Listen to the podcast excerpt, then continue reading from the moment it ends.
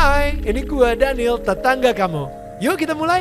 Gue tahu ada beberapa selebriti juga yang uh, sayangnya dia ngerasa tidak asik uh, di di kamera di depan layar tanpa uh, menggunakan um, you know Iya ya iya iya karena karena Hmm. kalau itu karena mungkin ketidak ketidakpedean ketidakpedean ya dia gitu. introvert Mm-mm, akhirnya dia mau mm-mm. nggak mau harus uh, Padahal pakai mungkin dilihat di kamera mungkin busuk banget mukanya. penyok bro Kayaknya bro mukanya kenapa mulutnya kenapa kayak kayak gitu. Tapi kalau gua nggak selesai nyanyi lanjut selesai Oke. nyanyi Gak lanjut. hubungan, pokoknya emang itu benar-benar cuma kalau misalnya habis mati gaya atau enggak, Mm-mm. ya untuk merayakan habis kerja ya udah lo. Iya pulang Hmm. begitu gitu. Terus em, Oke. terus em, ya tapi yang dari yang dari cuma weekend weekend weekend lama-lama every Everyday. day. Gila. Cuman begitu masuk bulan puasa, Hmm. pek gue satu bulan enggak. Wow. Wow. Bener-bener yang ekstasi ya. Ya, bisa Nih. nahan diri juga gitu. Ya. sana ya, enggak, gua enggak, enggak mau, enggak mau. Hmm. Sampai diteleponnya, enggak, gua enggak. Lagi Puasa puasa. di rumah aja gitu. Baik-baik diteleponin, enggak, gua di rumah aja. Wow. Bener-bener puasa biasa seperti seperti yang diajarkan sama Ya. kedua orang tua dari kecil seperti itu gitu. Hmm. Itu maksudnya alhamdulillahnya ada di situ gitu. Tapi udah gitu malam takbiran pulang ke Bandung, malam takbiran Buka. Bukalah dengan yang Gua manis. puasanya malam-malam. Abis dulu kan kalau kalau malam takbiran tuh kita ada ini ada, apa namanya yang yang bagi-bagi sembako. Bukan Hmm. sembako sih maksudnya bagi-bagi amplop ke tukang Hmm. beca segala macam gitu kan. Ketemu sama teman-teman yang memang sama Sembako. gitu. Hmm. Mau nggak? Mau nggak? Mau nggak? Mau nggak? Malam-malam. Hmm. Besoknya sholat idnya juga kita lagi gitu. Wah gila, ah, gila sih.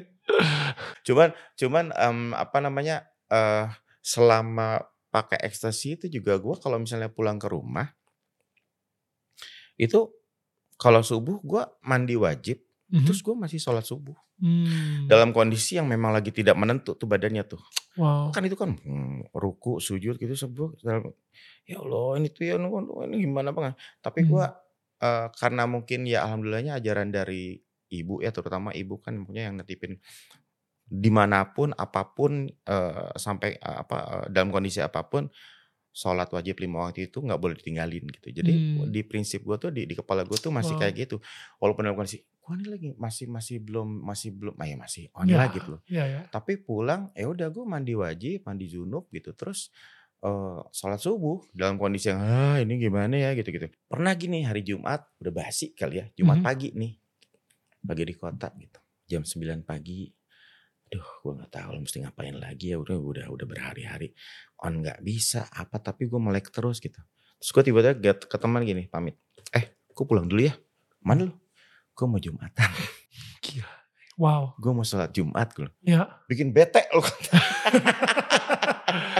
BT itu bad trip ya saat itu ya. Jadi, bikin, bikin kesel ya gitu. Hmm. Lu bikin gua, gua ngedrop katanya gitu. Lah iya gua mau pulang dulu bentar ya. Ntar gua siang balik lagi. Bilang Hmm. gitu. Hmm. Bentar mereka yang uh mukanya udah nggak tahu kayak apa Hmm, gitu ya iya. gitu. Ya. Terus iya bentar ya bentar. Pulang tuh jam 10 pagi ke pulang rumah masih di Tebet tuh itu. Hmm. Pulang nyampe rumah makan, Jumatan. mandi, sholat Jumat, Wow. pulang ke rumah makan lagi. Berapa jam 3. Eh ambe. Tapi Kang Hedi, gue ini ini menarik banget karena gue baru aja baca eh, kalau di Alkitab kita ya ada eh, buku namanya Mazmur. Dan di situ dia bilang kayak Tuhan em, aku akan terus mencari engkau, eh, engkau ada di engkau ada di kesuksesan atau di surga gitu ya, eh, di situ aku menemukan engkau gitu. Dan habis itu ketika eh, aku menaruh matras untuk tidur em, di di jurang kekelaman, aku juga tetap menemukan engkau. Gue gue ngeliat ketika gue lagi baca itu, gue ngeliat kayak gila ya. Sebenarnya bukannya kita menemukan Tuhan, tapi Tuhan terus berada sama kita ketika kita lagi mena- me- apa, merasakan kenikmatan hidup, sama ketika kita lagi rusak-rusaknya banget, Tuhan tetap setia untuk nemenin gitu. Jadi pas lagi Ngejagain. ngejagain ketika lagi Jumatan pun juga Tuhan tahu kalau misalnya Kang, of course lah Kang, Kang Hedi lagi lagi on banget misalnya kayak gitu pas lagi sholat juga lagi on banget lagi subuh juga on banget iya. tapi Tuhan tetap ada di situ gitu ngejagain gitu. Uh, Iya. sesayang itu Tuhan uh, ngikutin dan se- se- setia itulah gitu untuk Iya. ngejagain Kang Hedi juga. Iya. Mm. Jadi uh, sering bahkan kalau lagi misalnya subuh-subuh nih, subuh udah udah jam 5 gitu ya, jam 5 subuh, udah yang wuh udah di tengah-tengah gua udah duduk ngeliatin gini aja udah hari keberapa gitu kan ya kayak tadi Wow. gitu. S- Yang dipikiran nih emang gue tuh orangnya memang suka jahil gitu. Mhm. Terus seneng kalau udah berhari-hari terus nggak tidur segala macam tuh pengennya jahilin orang terus ya entah dia mau jadi ngedrop mau jadi apa mau jadi kesel ke gue tapi gue ajak bercanda gitu Ya. itu cuma gila nah, apa colek teman yang sebelah gitu gue lagi dia lagi kenapa? Eh gue mau nanya ini orang-orang pada nggak sholat subuh? Gue cuman gitu doang. Ini orang pada nggak sholat subuh? Lu ya bener-bener ya katanya gitu. Itu kan satu buat satu perkataan yang mungkin buat mereka ini ngeselin banget sih nih orangnya ya. gitu. Tapi maksudnya ya terlintas di pikiran gue aja gitu. Hmm. dan sambil dalam hati gue iya iya gue juga nggak sholat gimana sih? Gitu gitu kayak kayak gitu gitu cuman alhamdulillahnya tuh ya jadi setiap kali pulang ke rumah apa apa apa masih suka menjalankan sholat gitu gitu Hmm. sampai pada akhirnya si ekstasi itu gue satu tahun setengah berhenti Hmm. satu tahun setengah berhenti itu di tahun 97-an kalau nggak Oke. salah waktunya ya Mhm. 97 karena gue udah bener-bener yang stuck nggak tahu itu nikmatnya di mana enaknya gimana nggak pernah dan ibaratnya nggak pernah jadi nggak pernah on gitu gue terakhir neken itu 13 setengah butir 13 setengah. What? Oke. Em, ini ini emang cara setan banget ya. Banget di di di apa pun, di apa pun. Ini mungkin buat tetangga kita gitu ya. Jadi di apa pun pertama eh, lu dikasih kenikmatan dengan hanya setengah butir. Tadi kan setengah butir kasih kenikmatan, tapi dari situ kayaknya kenapa ya kok gue nggak berasa apa-apa ya dengan satu butir, kok gue nggak berasa apa-apa dengan dua butir, kok gue belum berasa apa, kayaknya harus nambah-nambah-nambah sampai 13 setengah butir. Ini sama juga sama apa pun itu gitu, eh, yang buruk buat dunia ini, em, ah, sorry buruk dari dunia ini untuk kita gitu. Misalnya contoh temen gue gitu ya, eh, dia dia kecanduan sama pornografi. Jadi pertama ya udah nonton yang semi-semi gitu, sampai akhirnya dia ngerasa kayak wah ini kok gue butuh kick yang lebih kick lagi lebih men sampai binatang pun juga dia nonton gitu. Binatang sama manusia. Pokoknya yang Penasaran- udah aneh-aneh kali. udah udah mulai uh, you know uh, ayah dengan anak lah kakak dengan adiknya lah dengan pokoknya dia benar-benar berusaha banget untuk ngedapetin that that kick lagi. Um, dan itu makin aneh kan fantasinya makin aneh. Ya, dan sama juga dengan judi sama juga dengan apa pun lah yang yang drugs juga. Uh, karena lu kayak pengen ngedapetin that kick. Bahkan shopping atau misalnya eh makan atau apa pun lah. Jadi ya itu sebenarnya kayak yang ditawarkan sama dunia ini untuk kita kecanduan dan semakin kita ya ya itu 13 setengah butir sih gila sih iya iya. Heeh. itu udah udah dalam satu malam. Jadi dari malam minggu sampai ke malam minggu hari minggu pagi eh malam eh, ke Senin subuh ya. Ya. Senin subuh tuh yang jam jam empatan gitu udah gue pulang ah gitu. Karena udah satu hari itu itu pun di hari minggu paginya tuh gue masih udah minggu pagi tuh dia dari malam minggu sampai ke minggu pagi tuh gue udah tujuh lah sekitar gitu. Hmm, pohon nggak? Enggak kayaknya gitu. Ada Wow. teman gue yang mau kubur keluarga dulu di puncak gue ikut Wow. deh gue bilang gitu. Gue ikut ke dia terus di tempat sana dia kumpul keluarga di bawah di villa gitu. Gue ikut tidur di atasnya gitu tidur. Wow. Tidur siang bobo siang. Gila. Terus dibangunin gue udah kumpul keluarga udah yuk lanjut lagi ke kota lagi gitu. Ah gila. Berangkat lagi lanjut lagi gitu gitu Wow. kayak gitu itu terus sampai hari Senin subuhnya itu terus gue gini aja gitu. Hmm, gue udah berapa ya? Hmm, kayak gue tadi udah 12 deh.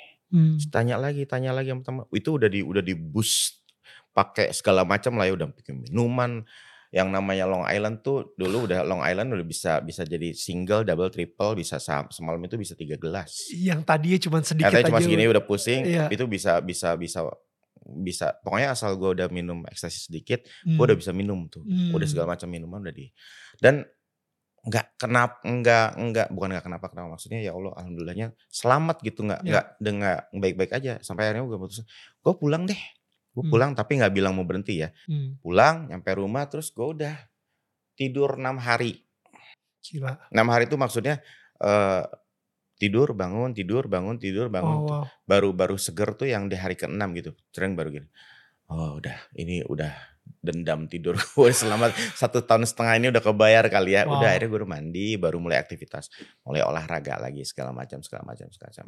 Tiga bulan seperti itu masuk masa-masanya sabu. Oh no. Jadi dari terakhir-terakhir waktu ekstasi juga gue udah nyoba tuh sabu. Jadi sambil eh, sabu mah baru masuk gitu. Oh. Jadi nyabu dulu baru neken gitu kan Hmm. gitu gitu. Cuman waktu itu masih masih yang nggak bisa apa ya? Supaya dapat high yang lebih tinggi lagi. ya? Iya. Dan Hmm. itu kan teknologi baru gitu kan. Ada yang Hmm. baru nih. Kalau ada yang baru kan kayak Hmm, mereka pada heboh gitu. Ada yang Ya. baru nih apa sabu sabu apaan sih sabu bilang gitu. hmm. Terus lihat ribet makainya ya gitu. Kalau Hmm. ekstasi kan nyetek gitu. Ini Ya. mesti apa dulu apa dulu apa dulu. Ya, ya. dipakein sama temen gitu. Terus "Hmm, enggak, gue bukan gue bukan perokok. Masalahnya gue bukan perokok Hmm. gitu. Jadi ngisep ah itu apaan sih gitu. Nah tapi di di yang tiga bulan berikutnya tadi tuh ya lagi-lagi sahabat-sahabat gue yang waktu yang pertama kali merawanin gue waktu Iya. itu gitu. Ya. Mereka memang stay di rumah gitu. Wow. Tinggal di rumah juga maksudnya eh, ada Oh yang di kerja. rumah lo di jadi rumah gue di Jakarta. Right, di right, Tebet di. Tebet itu. Ah, Hmm. mereka memang tinggal di rumah juga gitu sama-sama. Gitu. Mereka udah di rumah itu udah sering gue lihat gitu, lewat tapi gue nggak pernah yang eh, tertarik lah gitu. Ada satu malam tiba-tiba gini, dia lagi kayak gitu, eh gue mau dong, jangan jangan jangan jangan. Mereka Hmm. ketakutan, Oh wow. ketakutan terjadi lagi waktu yang dulu gitu. Karena waktu yang dulu terjadi itu, yang waktu yang ekstasi itu, Hmm. mereka tuh sampai ngingetin, dot, eh gue dengar lu di Jakarta, nah, mereka di Bandung. Gue dengar lu di Jakarta tiba-tiba jadi ini banget ya gitu, tiap hari ke diskotik gitu gitu gitu gitu. gitu. Kenapa loh? Gue bilang gitu. Jadi waktu itu kita po- teleponan, jangan terlalu kayak gitulah gitu. Hmm. Saat itu jadi ini jadi maju mundur sorry ceritanya, okay. mundur waktu itu. Gue cuma bilang gini ke mereka gitu, eh yang bikin gue kayak gini kan lu Hmm. yang ibaratnya yang merawanin gue yang ngejejelin pertama kali kan lu. Hmm. Sekarang kalau gue kayak gini, lu puas lihat gue kayak gini, kayak gini. Jadi tip- mungkin dulu kayak ada kayak ada dendam yang Ya. dendam yang tersampaikan tapi ya sama temen juga ya udahlah gitu. Hmm. Dan gue nggak nggak berani menyalahkan 100% kesalahannya mereka karena gue juga bisa nikmatin pada saat itu. gitu. Betul. Cuman pada saat diingetin nama itu, seperti itu sama mereka, gue cuman ngebalikin ngomong gitu. Puas lu lihat gue kayak sekarang. Hmm. Itu cuman gitu gitu. Ya. Terus habis itu udah gitu. Nah pas lagi lagi balik lagi ke yang tiga Hmm. bulan itu, pas gue ngomong, eh mau dong gitu.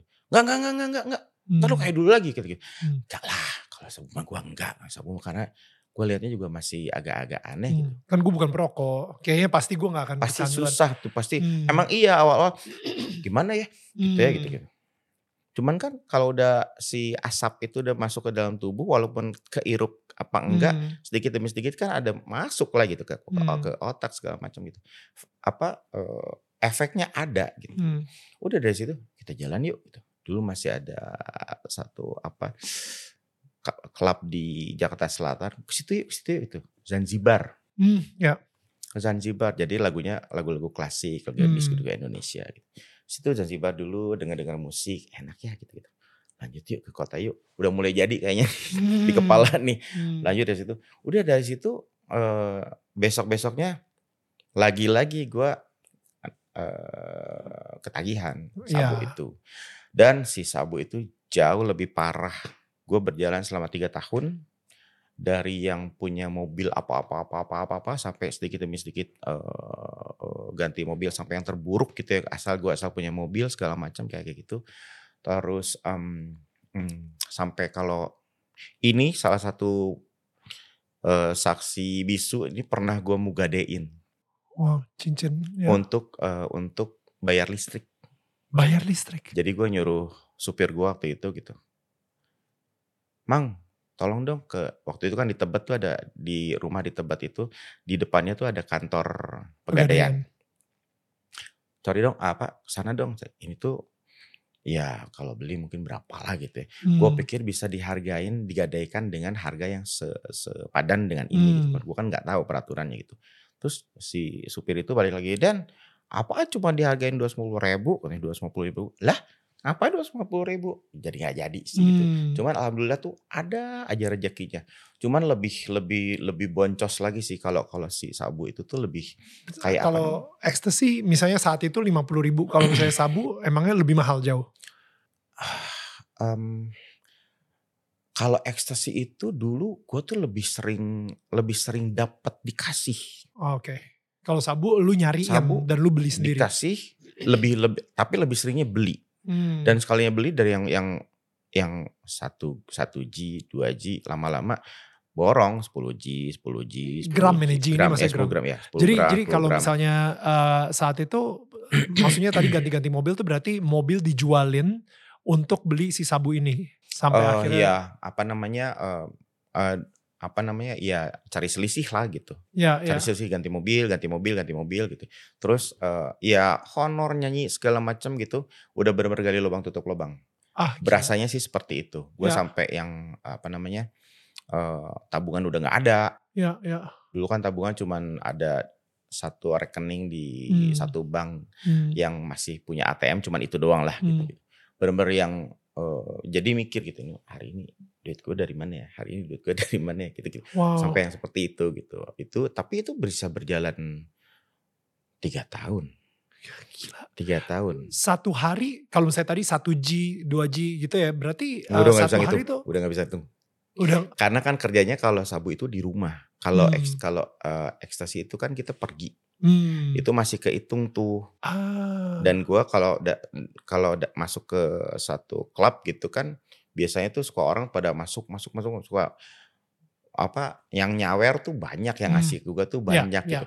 Kalau sabu di rumah, ya gua Mmm. beli, bandarnya datang ke rumah, gitu gitu gitu Mmm. gitu. Terus ya kadang-kadang ada beberapa yang memang suka datang ke rumah tuh untuk, eee, untuk apa namanya, eee, ya nemenin atau enggak minta ditemenin pakai. Kalau ada yang, "Gua datang ya setiap weekend, gua" tem Ya. teman-teman yang kayak gitulah gitu-gitu. Terus, mmm mmm, ya hitungannya sih gua udah mulai nggak jelas ya. Itu Mmm. 1G itu bisa atau 10G 10 gram itu bisa habis untuk berapa hari gitu. Karena Wow. udah nggak pernah ngitung lagi gitu. Wow. Yang dari yang harga, eee, per gramnya yang dapat dari 400 sampai 300.000, eee, paling enggak tuh seminggu mungkin ya 5 jutaan aja sih keluar ya. Seminggu? Paling enggak ya untuk itu. Dan itu lu udah kecanduan banget sih, udah udah selama Iya, apalagi 3 iya, tahun gitu ya. iya. Dan, mmm, saat itu Kahitna sama karirnya Hedi Yunus sendiri gimana? Masih masih besar? Jalan. Jalan banget dong? Jalan banget. Ap eh, sambil ber semuanya sambil jalan, jalan. Gokil. Sendiri jalan, Kahitna jalan. Di. Kahitna udah tapi di Kahitna tuh udah mulai mulai kesel. Mmm. kesel karena di di apa namanya, di masa-masa sabu itu gua udah, eee, ibaratnya kayak udah Hedi Yunus yang dulu tuh udah nggak ada nih, yang paling Iya. disiplin, yang paling Oh, wow. komit dengan waktu, yang apa-apa apa-apa, kok bisa Wow. begini loh. Eee, dulu kan cuman vokalisnya cuman berdua sama Carlo ya. Mmm. Datang nyanyi di mana gitu, di kafe mana gitu. Datang telat. Mmm.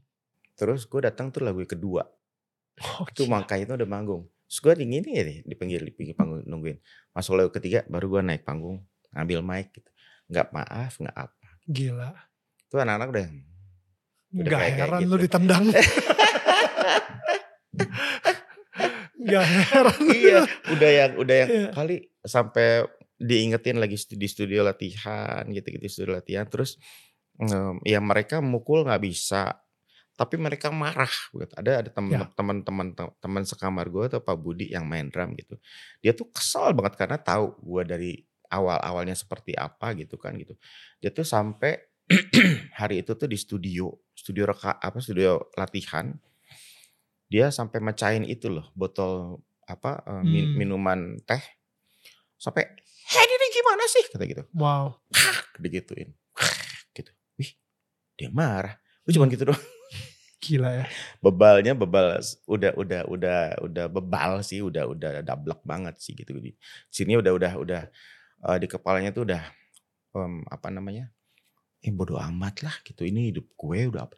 waktu itu sih rasanya seperti itu gitu. Cuman ya teman-teman kayaknya juga berusaha ngerti, ngerti, ngerti, ngerti lah sampai di puncaknya gue di uh, hmm, sebelum diskors itu gue, jadi ada satu acara untuk lima band besar syuting TV, Mhm. ulang tahun televisi Mhm. swasta, syutingnya di Bandung Mhm.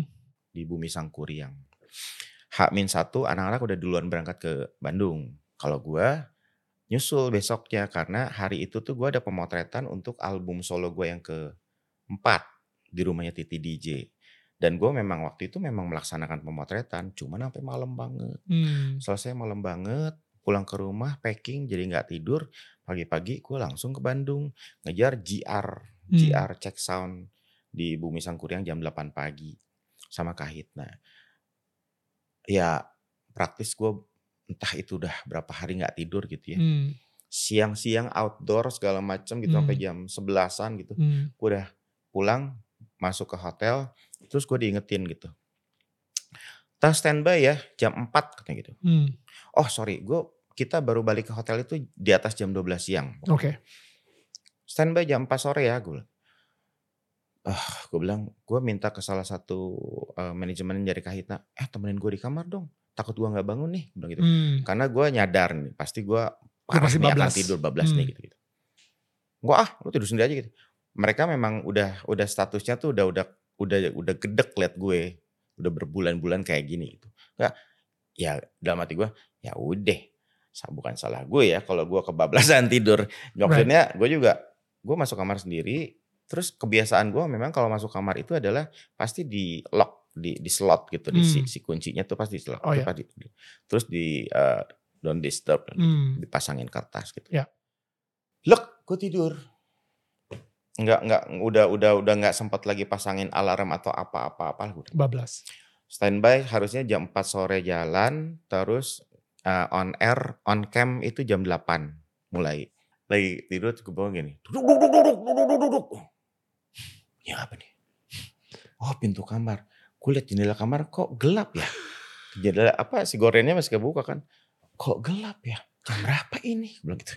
Lihat, mampus jam 8 kurang. Mampus. Mampus. Harusnya udah syuting. Udah on cam. Ah gila. Ya. Itu duk duk duk duk duk duk duk. Gupuk gupuk gupuk gupuk gupuk.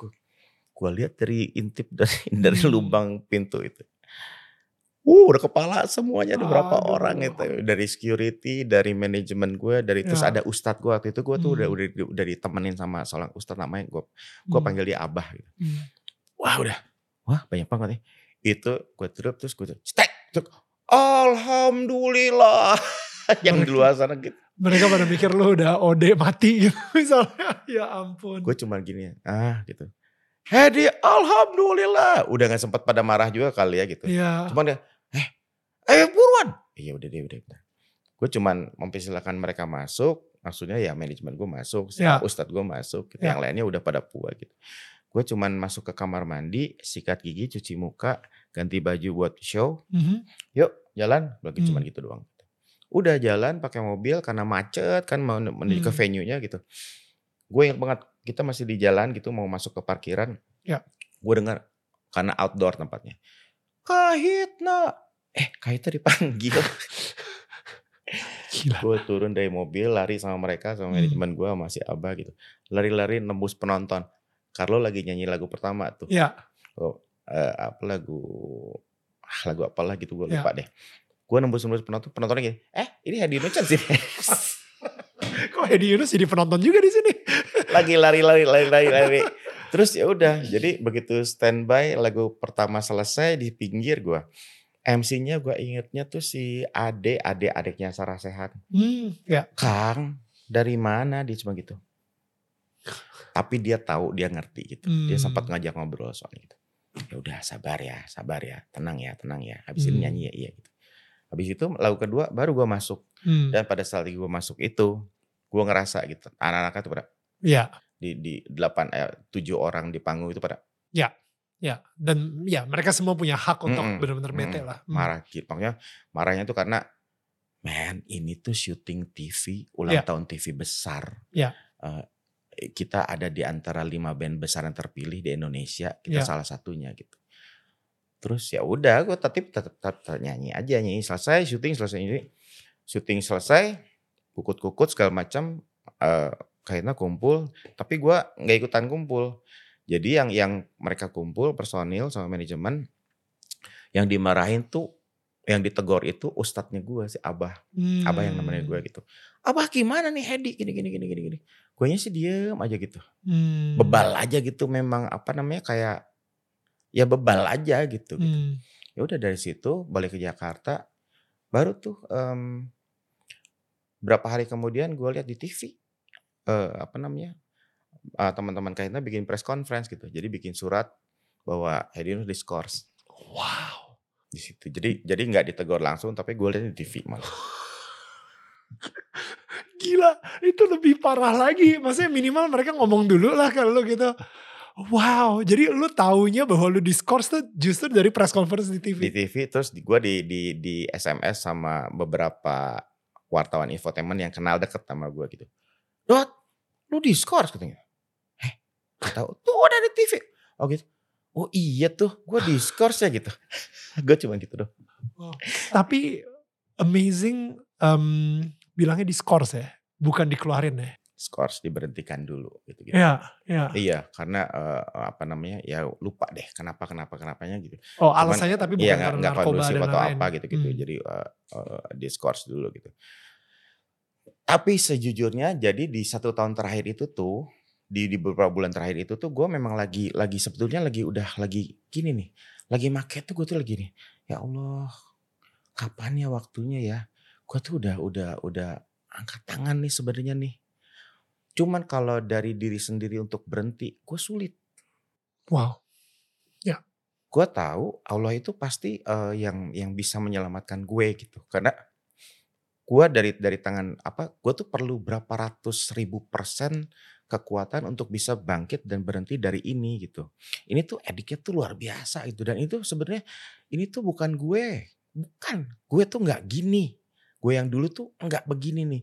Tapi karena udah udah ngerasuk apa udah udah udah udah masuk ke badan dan udah bertahun-tahun kayaknya ya gimana sih lu kalau misalnya makan nih, makan udah kenyang, udah kenyang banget, tapi tiba-tiba lu makan lagi makan lagi, udah mau muntah, iba ibaratnya seperti itu. Ya. Ini gue nih udah begini nih gitu, cuman gue tuh nggak punya kekuatan untuk mau berhenti, gue tuh nggak bisa gitu. Tahu pokoknya gue gue sih nungguin mood, gue sih ber yakin, hakul yakin nungguin mukjizat dari Allah kapan gue akan bisa berhenti dari sini dan itu memang Allah yang Maha tahu, gue bilang gitu. Jadi lagi itu tuh itu terjadi pas lagi make, gue ngelamun gini gitu. Mmm. Tapi make la make lagi gitu. Mmm. Jadi kayak yang, aduh sebenarnya gue udah nggak mau tapi refleks gitu. Ya. Jadi abis itu ya selang diskors, abis dis abis kejadian diskors itu selang 2 apa 3 minggu gue berhenti. Ada Mmm. momen yang di momen yang yang bisa bikin gue akhirnya, oke ini momen gue berhenti. Gara-gara gue ditelepon sama sahabat gue. Eee, ya mereka tahu lah gitu. Mmm. Karena teman dulu jaman jalan waktu zamannya ekstasi gitu. Terus mereka bilang gitu suami istri gitu. Tadinya istrinya dulu nelfon malam-malam. Di tiba-tiba dia nangis-nangis, gue manggil dia teteh gitu. "Hedi berhenti berhenti," dia bilang gitu.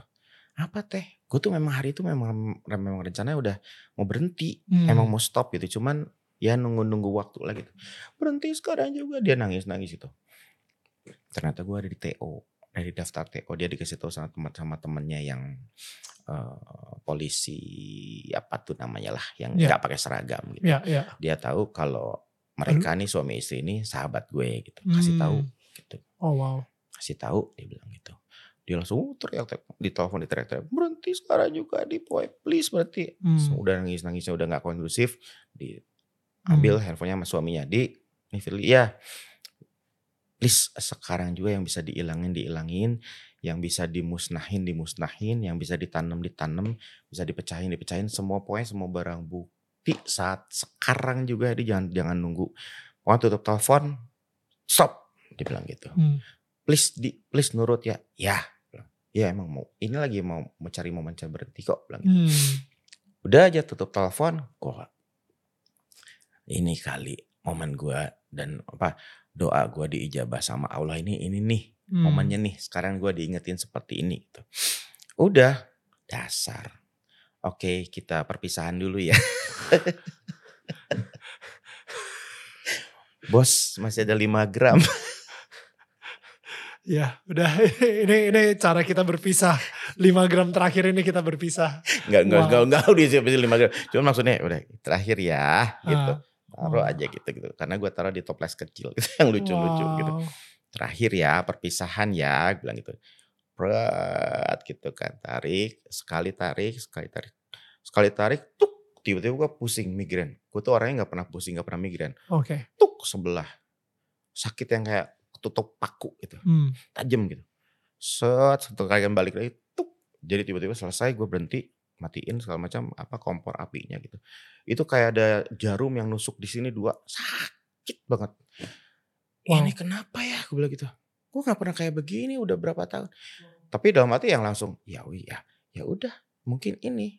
eh ya apa Doa namanya? lu dijawab. Doa gue dijawab dengan seperti ini dan nikmatnya dihilangin. supaya gue berhenti, ya udah gue nih gini nih sakit Wow. nih sekarang nih. Wow. Udah saat itu juga yang gue lakuin yang pertama adalah hal yang selama ini gue jaga-jaga jangan sampai kenapa-napa si Hmm. eh, sabunya itu gue flash pakai air.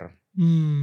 Nih dari gue sendiri gue Wow. yang eh, Keputusan lu sendiri. keputusan gue sendiri yang selama ini gue wah gue ibaratnya gue jaga-jaga Hmm. gue flash dulu pakai air hancur udah masuk Wow. ke kloset habis itu baru gue beresin semuanya cek cek cek cek cek, cek. terus gue ke Bandung Bandung enam hari di Bandung sama ditemenin sama si Abah itu Mhm. terus em, apa namanya gue pulang ke rumah Mhm. pulang ke rumah di mana ada orang tua segala macam kayak kayak gitu terus eh gue lagi-lagi tidur selama enam hari Hmm. sama prosesnya seperti itu tidur selama enam hari gue di kamar gitu. cuman waktu yang ekstasi itu gue masih di rumah di Tebet sendirian Hmm. yang Kalau mana sekarang yang sekarang sama gue di di rumah itu ada orang tua ada nyokap Hmm. ada ada ada bapak segala macam Hmm. gitu gitu yang mana harusnya mereka curiga hmm. logikanya kan nih anak tiga hari. hari tidur pintu nggak dikunci apa yang lo lakuin selama ini gitu ya, Ya, gitu. ya. enggak loh itu eh gue setiap kali bangun selalu ada botol air minum apa namanya di termos gitu eh, di di apa namanya termos besar gitu ya air putih gelas terus selalu ada biskuit Hmm. biskuit yang di dalam ma- dimasukin ke apa on. di tempat makan gitu Ya. selalu setiap kali bangun gue itu Pasti ada, ada. terisi terisi terisi Wow. maksudnya selalu penuh terus kan gue bangun refleks makan karena lapar kan gitu terus kalau bangun lagi tuh ada lagi apa tuh keisi terus gitu ya nggak pernah Wow. kosong gitu enam hari kayak gitu loh gue cuman bisa bangun ke kamar mandi itu pun kalau ke kamar mandi buang air kecil tuh gue limbung terus kalau buang air besar gue duduk sebentar huh, gitu Hmm. kayak gak ada tulang gitu Ya, ya. Em, efeknya apa uh, uh, recovery-nya tuh jauh lebih parah daripada si ekstasi itu. Hmm. Terus em, apa namanya sampai hari ke-6 udah baru bangun seger Hmm. baru ah gue udah hidup nih sekarang nih gitu. Hmm. Baru mandi segala macam segala macam gitu. Terus ya udah gue duduk di ruang tengah makan gitu sama sama mama segala macam gitu. Tapi itu yang namanya orang tua apalagi ibu gitu ya. nggak nanya, nggak apa. Lu Gila ya. kenapa? Gak ngehakimin. nggak menghakimi sama sekali padahal kan logikanya ya maksudnya iya pasti dia tahu sih gue sih Iya. yakin mereka tahu pasti orang tua tahu gitu cuman bener-bener nggak ngu- nggak ngutik sedikit pun sampai sampai meninggal gitu enggak Hmm. sama sekali nggak nih itu Wow. luar biasanya ibu gitu dan iya mundur sedikit ke ke itu kan kejadian tuh itu tuh kejadiannya kalau nggak salah September 2000 gue berhenti. Nah, gue tuh ulang tahun kan Agustus Hmm. 2000 ah, yang tahun tahun 2000 Agustus itu pas gue lagi ada di Bandung juga, gue lagi di hotel. Lagi nginep di hotel gitu. Gue udah sampai dijemput sama kakak gue almarhum, "Head, pulang." Mama nyuruh pulang katanya. Udah dibikinin tumpeng, dia bilang gitu, nasi Hmm. kuning. Kan kamu ulang tahun katanya. Hmm, bilang gitu gitu gitu. Tapi ya itu lagi puncak-puncaknya rusaknya lah gitu. Hmm. Pulang ke rumah itu tuh gue inget banget tuh. Eh, sampai di rumah tiba-tiba nyokap udah berdiri aja nungguin pulang cium seperti biasa. Hmm. Terus tiba-tiba ada dua sahabat sekolah gue yang sampai sekarang jadi sahabat dari SD, Ya. SMP sampai sekarang kita masih main. Wow, gokil. Jadi itu teman-teman yang lama gitu ya Hmm. maksudnya teman-teman Tapi dari bukan yang zaman sekolah. lo. Enggak, enggak, enggak. Hmm. Di- dipanggil mereka. Jadi kayak gini loh, gue eh kalau si Ad- Anto sama Anto sama Irwan, Kayak Kok ada- intervention gitu. ah, kok Hmm. ada di sini bilang gitu. Hmm. Suruh mama datang katanya gitu. Oh wow. Jadi kayak yang gini kayak eh, ngingetin lagi lu masih punya sahabat lama loh yang Wow. sehat kayak kayak gitu gitu. Cuma disediain tumpeng, terus disedia ditemenin ada ada tuh temen gue gitu. Terus habis itu berdoa. Hmm. Mama itu berdoa, gue tuh isinya lupa ya. Cuman dalam hati gue gini, kenapa dia doanya kok tahu banget kalau gue lagi rusak ya Allah gitu. Kayak kayak apa namanya? Ya, ngedoain supaya gue cepat sembuh istilahnya. Oh, Ibarat wow. katanya seperti itu. Cuman ya. panjang dengan bah karena kan ibu nyokap tuh almarhumah tuh ahli ngaji, ah pokoknya udah ahli Hmm. ibadah lah gitu. Itu doanya sangat panjang dan ya Allah kok dia tahu sih gue lagi hancur gitu-gitu. Sampai sampai sampai apa namanya? Besoknya eh abis dari situ tuh gue pulang ke Jakarta. Biasanya yang gue tuh selalu ngasih uang, ngasih baju, ngasih apa. Itu tuh hari itu tuh besoknya tuh sampai sampai mau pulang Jakarta tuh mama tuh kayak gini. Nih bawa 500 ribu gitu. Mama buat apa bilang gitu. Sok iya padahal emang lagi gak punya duit sih gitu. Enggak lah kamu perlu kayak gitu. Enggak ah mah gitu gitu gitu. Sok sok nahan-nahan Hmm. gitu kan. Enggak dia lagi perlu ini duit gitu. Ini duit duit ini duit ini juga uh, uang yang yang selama ini hadis lokasi mama simpan mama simpan gitu. Aduh itu dapat itu kenapa sih dia tahu dia tahu Hmm. banget eh, kita nggak cerita kita nggak mengekspresikan segala macam tapi ibu tuh memang ada darah yang mengalir dan dia tuh sangat Hmm. tahu tapi benar-benar nggak yang apa namanya gue tuh anehnya dia nggak nggak marah nggak nggak nggak nggak ngejudge nggak apa gitu. Ya. sampai yang terakhirnya kayak kayak gitu. Terus ya udah jadi dibikin nyaman aja gitu pada saat gue gue udah di September berhenti itu tuh. Hmm. rasanya mas eh, rasanya sama mereka kayak nggak ada apa-apa gitu. Itu yang bikin gua ya Allah gitu eh, bersyukur banget punya orang tua terutama ibu yang bener-bener yang kayaknya ini tuh salah satunya adalah memang mukjizat yang terjadi pada saat itu bisa berarti kasih karena doa dan juga kasih sayang dari Hmm. ibu yang nggak pernah putus doain anaknya anaknya Ibu padahal tahu, tapi mungkin dia diem aja karena nggak pengen mempermalukan eh, Kang Hedi juga. Tapi yang menarik adalah ketika lu lagi, gue yakin sih kayak pas lagi tidur 6 hari itu em, kelihatan kayak orang sakau ya. Gak tau ya, Iya, kayak iya, pasti kelihatan iya, kayak orang iya, sakau gitu, iya. gigil-gigil dan lain-lain gitu karena butuh dan lain-lain.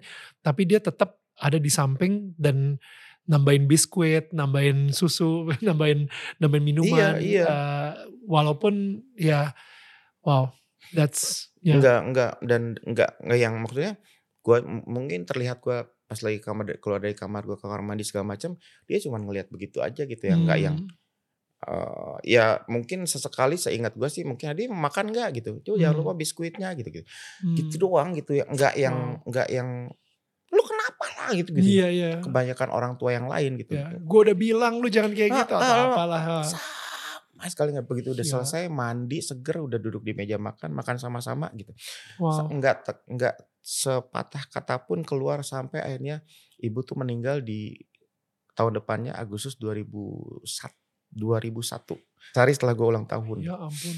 Oh, gue ulang tahun 24 Agustus ibu meninggal 25 Agustus 2001 Dan lu udah bersih, kondisi udah itu bersih. gue lagi tobat-tobatnya lagi ber, lagi berusaha untuk eh, membalas semua kesalahan gue kepada orang tua terutama ibu Wow. dan ibu meninggal di Bandung gue lagi di Medan Tapi ya at the same time dia ngeliat kayak kayak dia udah ngeliat lu udah di jalan Tuhan lagi gitu. Jadi kayak oke udah Kayak- udah aman kayak ya tugas gue sebagai seorang ibu kayaknya udah selesai gitu kayak Kayaknya sih kalau kalau ya kalau di kalau di lihat-lihat jalan ceritanya kayak gitu ya. Jadi kayaknya udah Mm-mm. karena kan gue juga masih ditemenin sama si ah, sama ustadz gue tuh abah Hmm. itu abah itu nungguin gue tuh dari eh abah itu nemenin gue dari mulai tahun 99 yang gue lagi rusak-rusaknya banget gitu Mhm. sampai 2004 2005 lah gitu. Hmm. Jadi nggak dilepas-lepas dulu karena takut Ya. trigger segala Iya, macam kayak lagi. gitu sampai Hmm. gue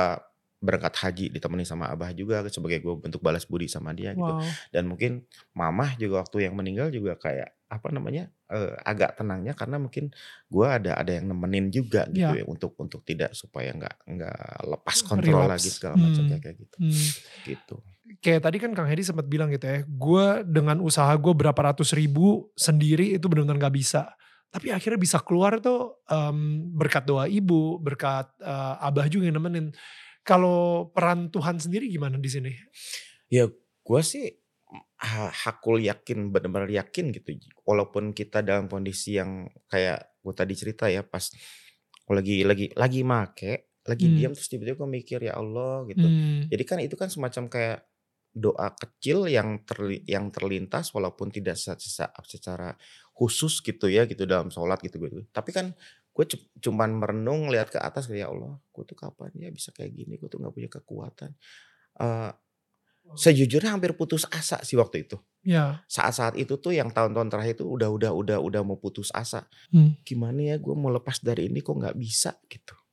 Jadi gue cuma bisa nyebut ya Allah, gue sih cuma nungguin mujizat, dari Allah Hmm. supaya gue bisa berhenti karena Ya. gue tuh udah sampai sejujurnya gue udah, udah kesiksa nih gitu. Ya. Tapi mau lepas gue nggak bisa, Ya. nggak nggak bisa, nggak bisa banget gitu. Nggak nggak punya kekuatan dari diri sendiri berapa ribu persen pun gue nggak bisa gitu. Karena Hmm. ini tuh ediknya tuh sangat tinggi gitu. Ya. Makanya pada saat ada satu momen momen-momen yang yang gue mikirnya ya sahabat gue nelfon nangis nangis ngingetin stop stop stop malam itu juga Hmm. terus hari itu juga gue memang mau berhenti terus Ya. oh ini kali ini kali ini kali gue jalanin gue ikutin gitu Ya. ya apa namanya dengan segala dengan segala Ya. kekuatan dari diri sendiri ya gitu Ya. Udah ternyata memang jalannya seperti itu gitu pulang Ya. ke Bandung ada yang nemenin yang nyetirin gitu kan selalu ada karena gue nyetir sendiri tuh udah nggak bisa Ya. jadi ada ada kakaknya abah yang di Jakarta setirin tuh Hedi bawa ke Bandung Hmm. subuh subuh Bandung nyampe di rumah. Wow. Si enam hari itu. Wow. Jadi memang ada ada ada ada servis-servis ya ada yang lain dari Hmm. dari orang-orang terdekat yang diberikan sama sama ya jalannya dari Allah sih semuanya Ya. seperti itu kita saja Dan selamat gue pengen encourage eh, tetangga kita juga gitu ya. Gue em, mungkin kalau misalnya lu kenal seseorang yang deket yang lu sayang juga dan mungkin mempunyai masalah seperti Kang Hedi juga eh, saat itu di tahun 2000 by the way. Em, gila itu 23 tahun yang lalu by the way. 23 tahun yang lalu. Wow. Em, dan gue berharap banget sih eh, kayak tadi itu ya. Mungkin dimulai dengan doa dulu aja. Doa bahwa lu benar-benar emang pengen keluar dari ikatan ikatan narkoba uh, apa pun addiction ikatan kecanduan yang lu punya gitu dan emang bener kata Kang Hedi juga bahwa kita nggak bisa ngelakuin ini dengan kekuatan kita Uh, ketika kekuatan kita itu udah stuck udah mentok apa pun yang kita cobain juga gagal terus saatnya menggunakan kekuatan Tuhan sih dan um, kalau misalnya tadi gue ngeliat dari kekuatan Tuhan sendiri itu seperti apa pertama um, kekuatan Tuhan untuk menghilangkan nikmatnya. Jadi ketika lu udah make, eh ternyata kok mendadak jadi pusing, jadi migrain, jadi nikmatnya itu dihilangin. Yang kedua, em, tiba-tiba ada pengaruh dari luar, which is bilang, em, Kang Hedi misalnya jadi target operasi buat polisi gitu. Kalau misalnya lu pakai lagi, lu bakal ketangkep nih kayak gitu. Dan yang ketiga, em, doa dari teman-teman sekitar, doa ibu khususnya. em, dan yang keempat, mendapetin komunitas yang benar-benar akan nge-support lo, nge-encourage lo, uh, bukan malah nyatanin lo, oke lo udah bersih selama 30 hari, mari kita rayakan dengan reunian dengan reunian. Udah jangan sampai kayak gitu juga. Jadi uh, komunitas yang tidak akan menghakimi lo dan benar-benar bisa uh, membuat lo jadi bersih secara bersihnya banget gitu. Akhirnya sahabat-sahabat yang pertama kali cekokin lo, yang tinggal di Tebet itu gimana? Apakah mereka masih temenan sampai sekarang masih temenan? Mm, Cuman, masih temenan tapi ya udah saling melupakan kejadian yang dulu aja gitu wow. karena emang emang, mereka memang teman deket teman deket banget sih Hmm. teman-teman deket banget gitu yang yang nggak bisa lepas dari hari-hari gitu mereka sendiri akhirnya lepas dari sabunya gimana? Ya urusan mereka sendiri. Sendiri Tapi lepas juga, tapi lepas. lepas. Mereka sih me- mereka sih lebih lebih nggak harian kayak gue. Oh. mereka tuh lebih lebih ke apa weekly atau apalah gitu. Hmm, maksudnya ya. kadang-kadang bercanda gitu ya karena lu mah susah. Nggak kayak gue gue mah duitnya banyak. Lu mau dapat barangnya. Makanya kita bercandanya kayak Iya, gitu. iya, tapi iya. maunya, iya tuh, tuh, tuh, tuh, lu tuh dulu gila banget ya gue mah yang ngasih banyak yang apa banyak yang apa banyak Iya. kayak kayak gitu gitu kalau jadi orang tuh ada yang kan cuman cuman occasion aja ada yang ulang Iya. tahun aja ada apa gitu gitu mereka momen-momen aja kalau gue Iya. enggak jadinya hari-hari hari karena hari, dapat karena duitnya juga banyak gitu. Enggak, enggak, enggak, enggak, enggak gitu maksudnya. Ternyata gue gampang edik apa pun, termasuk hal yang baik pun begitu. Lu bisa edik juga. Kayak misalnya sekarang lari, Hmm. olahraga itu edik banget. Tapi Jadi gila sih dari dari sempet bercandu sabu sampai sekarang jadi lari. Come on, itu mukjizat loh Kang Edi. Gimana Iya. em, akhirnya lu diterima balik ke Kahitna? sebulan kemudian, abis gue berhenti, ada ada ada ada acara dulu tuh di di satu TV swasta ada acara judul namanya acara asal Mhm. asli tapi palsu. Itu yang mirip-miripan bukan sih? Iya mirip-miripan dulu pembawa hostnya tuh Taufik Safalas Ya. almarhum. Almarhum. Nah, mereka punya acara, eh mereka bikin eh, apa namanya eh, eh, acaranya di Bandung waktu itu di Balai Kota di Bandung. Oke. Jadi eh, a- apa apa, apa, apa namanya kayak, Outdoor. kayak spesial spesial spesial event gitu. Nah, ngambil momen di situ eh di lagi-lagi Abah ngejebantanin ke anak-anak Kahitna komunikasi mau nggak nih jadiin momen Hedi balik lagi ke situ ke Kahitna kayak gitu. Eh, karena Kahitna jadiin bintang tamu di acara asal itu di Bandung gitu. Hmm. Nah, jadi uh, gimmick yang dibuat adalah pada saat lagi Kahitna mulai per- mau perform lagu pertama Carlo Carlo nyanyi dulu solo gitu-gitu. Ayo kita tampil ke yang mirip Hedi Yunus kayak gitu. Gue masuk lah di situ. Bukan mirip Hedi Yunus, Hedi Yunus aslinya yang masuk gitu. Oke. Sebelumnya sebelumnya kita ketemuan dulu sih di kos-kosannya Bambang di Oh. teman gitu. Ketemuan dulu. Wah, Hedi terima kasih dirangkul lagi gitu. Wah, udah sehat bener. Udah alhamdulillah sehat udah udah udah.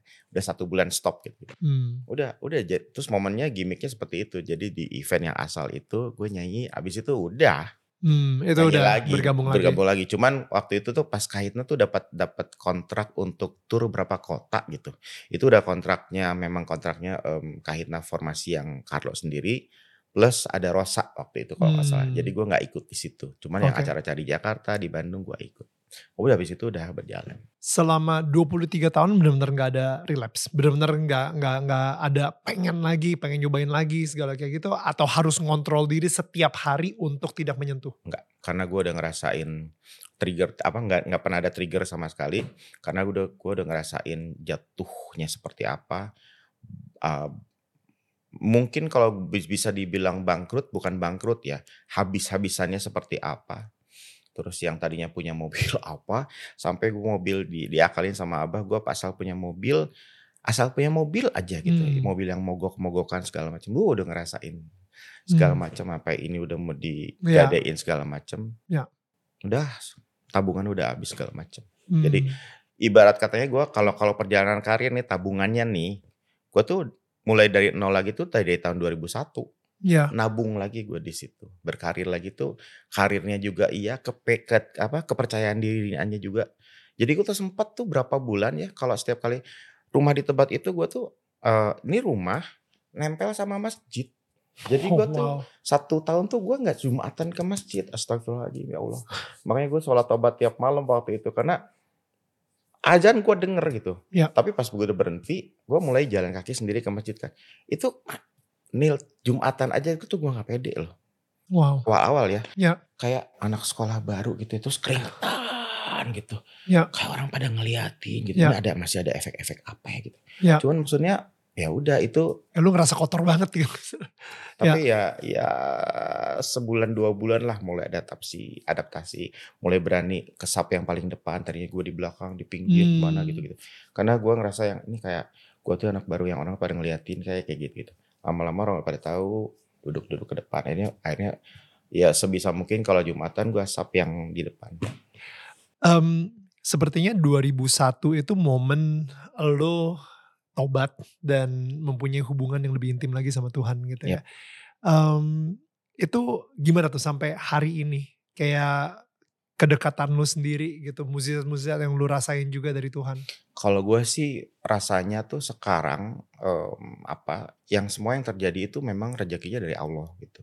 apa yang bisa dijalanin gue sampai sekarang bisa nyanyi sekian puluh tahun, bisa sehat seperti sekian lama, Ya. bisa dapat rezeki apa apa apa segala macem apa pun by apa per detik itu semuanya memang sudah aturannya dari Allah Allah selama kita memang juga selalu menyerahkan diri kita sama Allah gitu. Ya.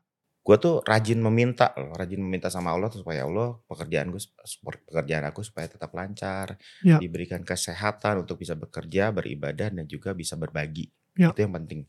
Karena dapat rezeki kalau nggak kita bagi kepada orang yang karena kan kalau di, di Islam kan kita ada paling nggak minimal dua setengah persen Hmm. itu yang harus di awal di aw- selalu Berzakat ya. Hmm. segala macam kemudian diutamain orang-orang terdekat saudara segala macam terus ya disyukurilah gitu nggak mau nggak nggak akan pernah lepas dari yang namanya kewajiban sholat lima waktu Hmm. paling nggak sholat ya serusak-rusaknya kita Hmm. seacur-acurnya kita hari-hari kita juga masih masih nggak bener ya tapi Hmm. maksudnya paling nggak sholat nggak lepas itu aja Ya, ya.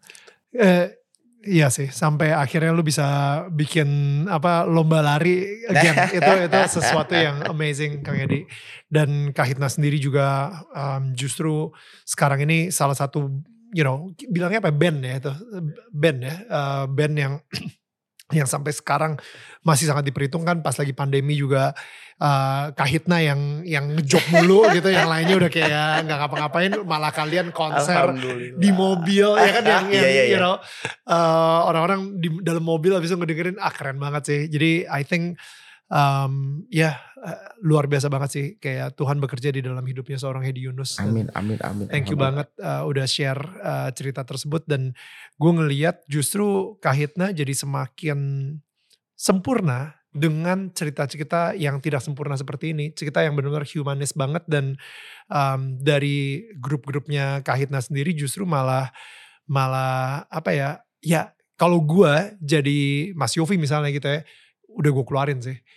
Udah gue keluarin beneran. Ini udah nggak kondusif. Ini malah mengancam uh, nama Kahitna sendiri. uh, most probably gue keluarin bukan discourse gitu.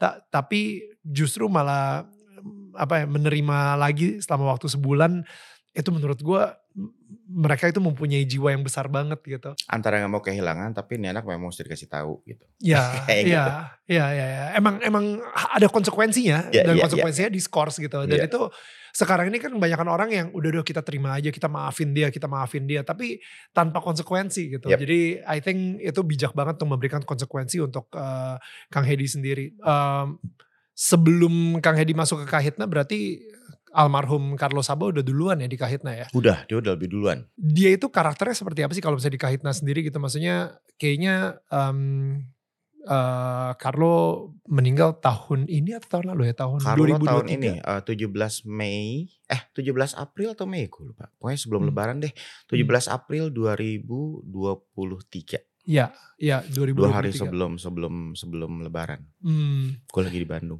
but how was that untuk Kahitna sendiri gitu? aduh satu momen besi momen kehilangan yang luar biasa kalau Carlo tuh kalau itu eh, iya Carlo dan Kahina itu kan maksudnya kita udah sama-sama hampir 37 tahun barengan tiap hari ketemu dari yang mungkin lebih sering ketemu sama Carlo daripada kakak-kakak gue sendiri ya gitu. Jadi Hmm. pada saat lagi Carlo meninggal tuh apa namanya? Uh, uh kayak kayak kayak badai petir yang yang bener-bener yang wah gitu terus ha Carlo meninggal gitu. Karena pas lagi abis kan kan dia habis pasang ring tuh. Hmm. Sorry, pasang ring 17. 19-nya dia meninggal. 19 April 2023 dia meninggal. Oh. 17-nya itu baru pasang ring. Hmm. Harusnya tanggal 18 satu hari pasang ring dia duduk dua apa tiga gue lupa gitu. Di rumah sakit dia selalu update gitu-gitu. Nah, Hmm. tanggal 18-nya harusnya dia keluar, cuman kondisinya tidak membaik gitu. Ada ada hal- ada ada yang tidak membaik, jadi nggak diizinin keluar dari rumah sakit gitu. Tanggal 19 eh, ada ada yang semakin tidak membaik, tapi dia masih hari-harinya di di kamar normal gitu, masih ngobrol, ada tamu datang gitu. Itu kan di Jakarta kan. Gue udah di Bandung, gue udah Hmm. mudik di Bandung gitu. 19 malam jam 10 malam kita dengar kabar kalau meninggal. Gue lihat gue nggak gue lagi buka bersama teman-teman di Bandung. Terus eh, tiba-tiba yang telepon Arman. Dot Carlo meninggal nih. Apaan sih? Bilang gitu. Enggak gitu. Iya ini masa gue bohong apa eh, masa ini Hmm. adiknya Denny istrinya Yofi masa bohong? Gitu Hmm. Bek, gue matiin. Gue lihat baru handphone gue buka gitu. Gue lihat grup Yofi. Innalillahi kalau uh, itu. Wah. Gua- di restoran waktu itu gue teriak gitu. terus ngomong ke eh, ada teman Teriska Teriska itu eh, kenal baik juga gitu Hmm. Teriska Carlo meninggal kita baru kumpul berapa hari yang lalu ini sebelum Hmm. sama Carlo gitu. Carlo meninggal. Oh, udah. Eh, malam itu juga gue ke ke Jakarta sama manajer gue tuh sama ada driver gitu. Cuman ngejar ke rumah duka. Di rumah duka sebentar, abis rumah duka sebentar nyampe jam jam 2 di sana.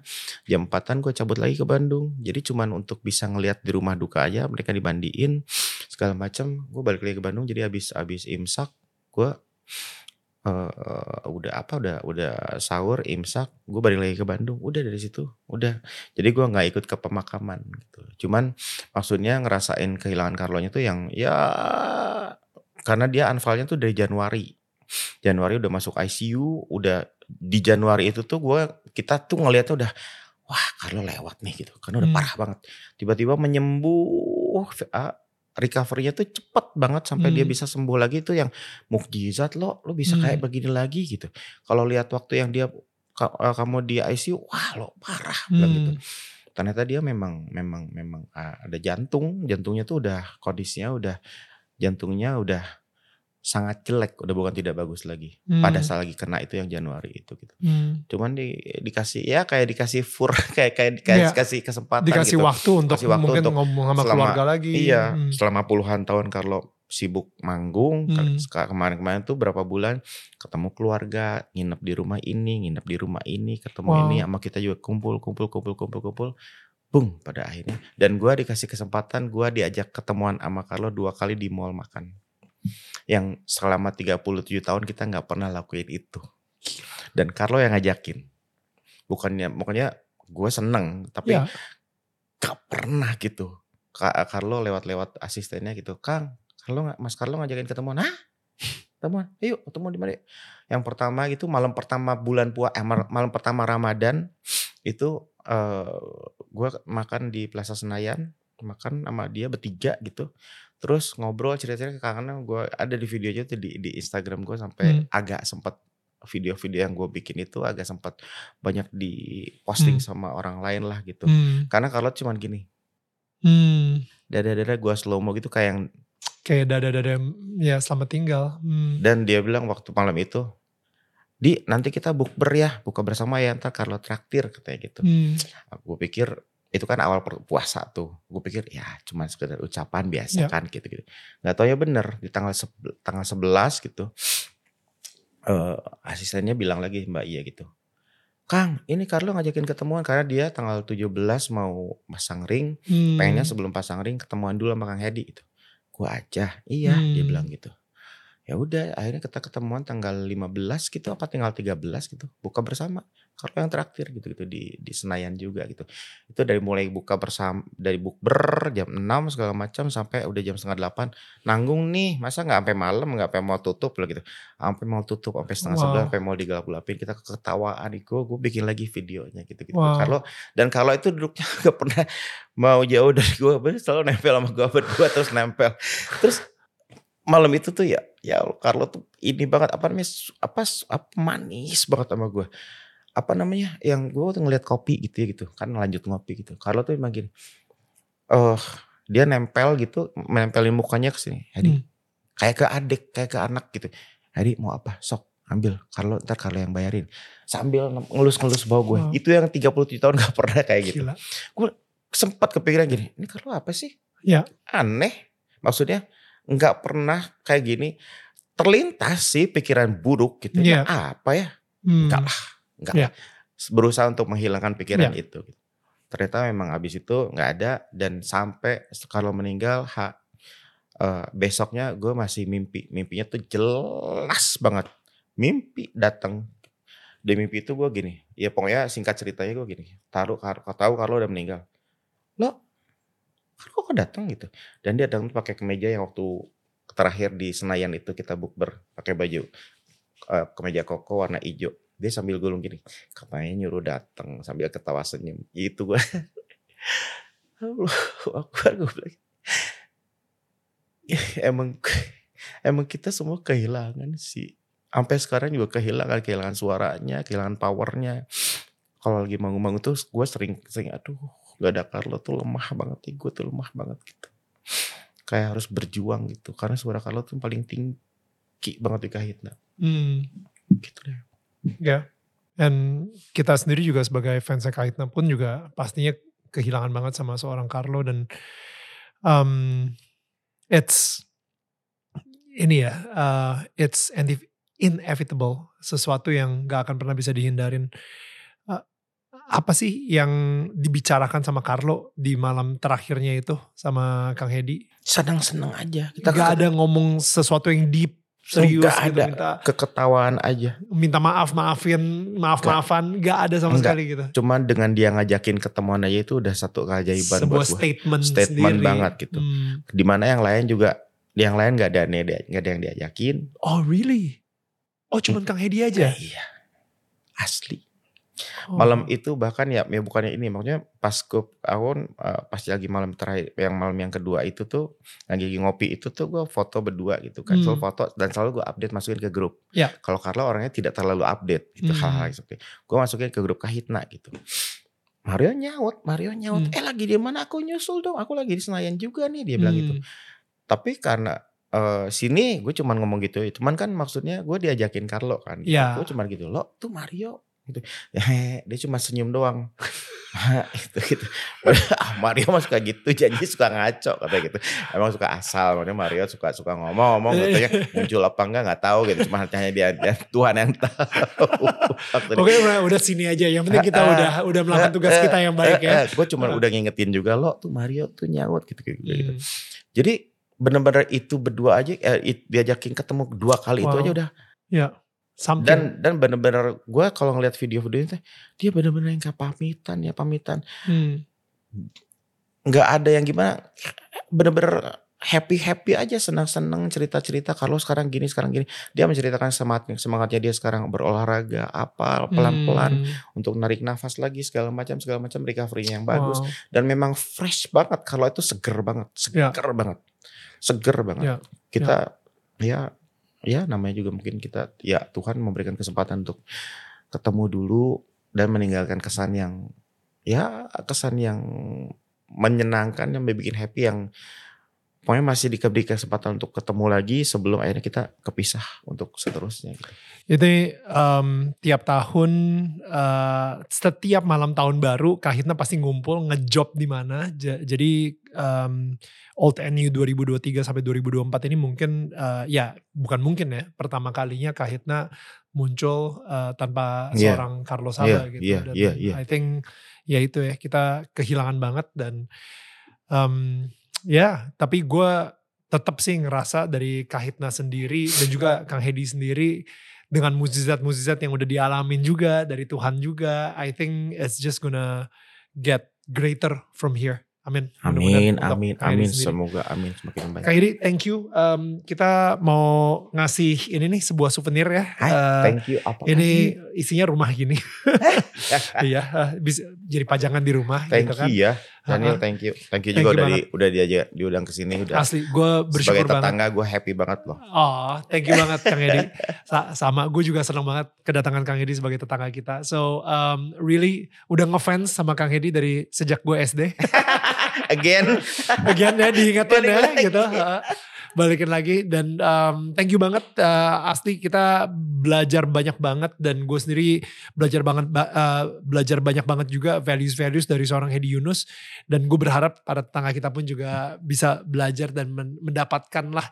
Um, gue ngerasa apa ya banyak sebenarnya yang pengen gue tanyain dan waktu kita benar-benar nggak cukup gitu. Jadi tapi nanti kita Iya. banyak banget sih. Nanti kita akan ajak lagi kita ajak, ajak Oke, ngobrol lagi gitu ya ada sesi you. keduanya lagi Siap. Kang Edi thank you so much Uh, kita ketemu lagi pastinya minggu depan dengan tetangga kita yang tidak kalah hebatnya dengan cerita yang luar biasa juga tetangga saling menyangga bukan menyanggah bye guys thank you Thank you so much guys sudah mendengarkan podcast Daniel Tetangga Kamu. Dan jangan lupa di follow podcastnya dan share ke sosial media kalian menggunakan hashtag Daniel Tetangga Kamu. Sebisa mungkin gue akan repost keseruan kalian ketika lagi mendengarkan podcast ini. Kalian juga bisa menyaksikan Daniel Tetangga Kamu setiap hari jam 4 sore waktu Indonesia bagian Barat di channel YouTube Daniel Mananta Network. Karena setiap minggunya akan ada sosok-sosok inspiratif yang akan menceritakan perjalanan hidup mereka dan hubungan mereka dengan Tuhan. Sampai ketemu minggu depan.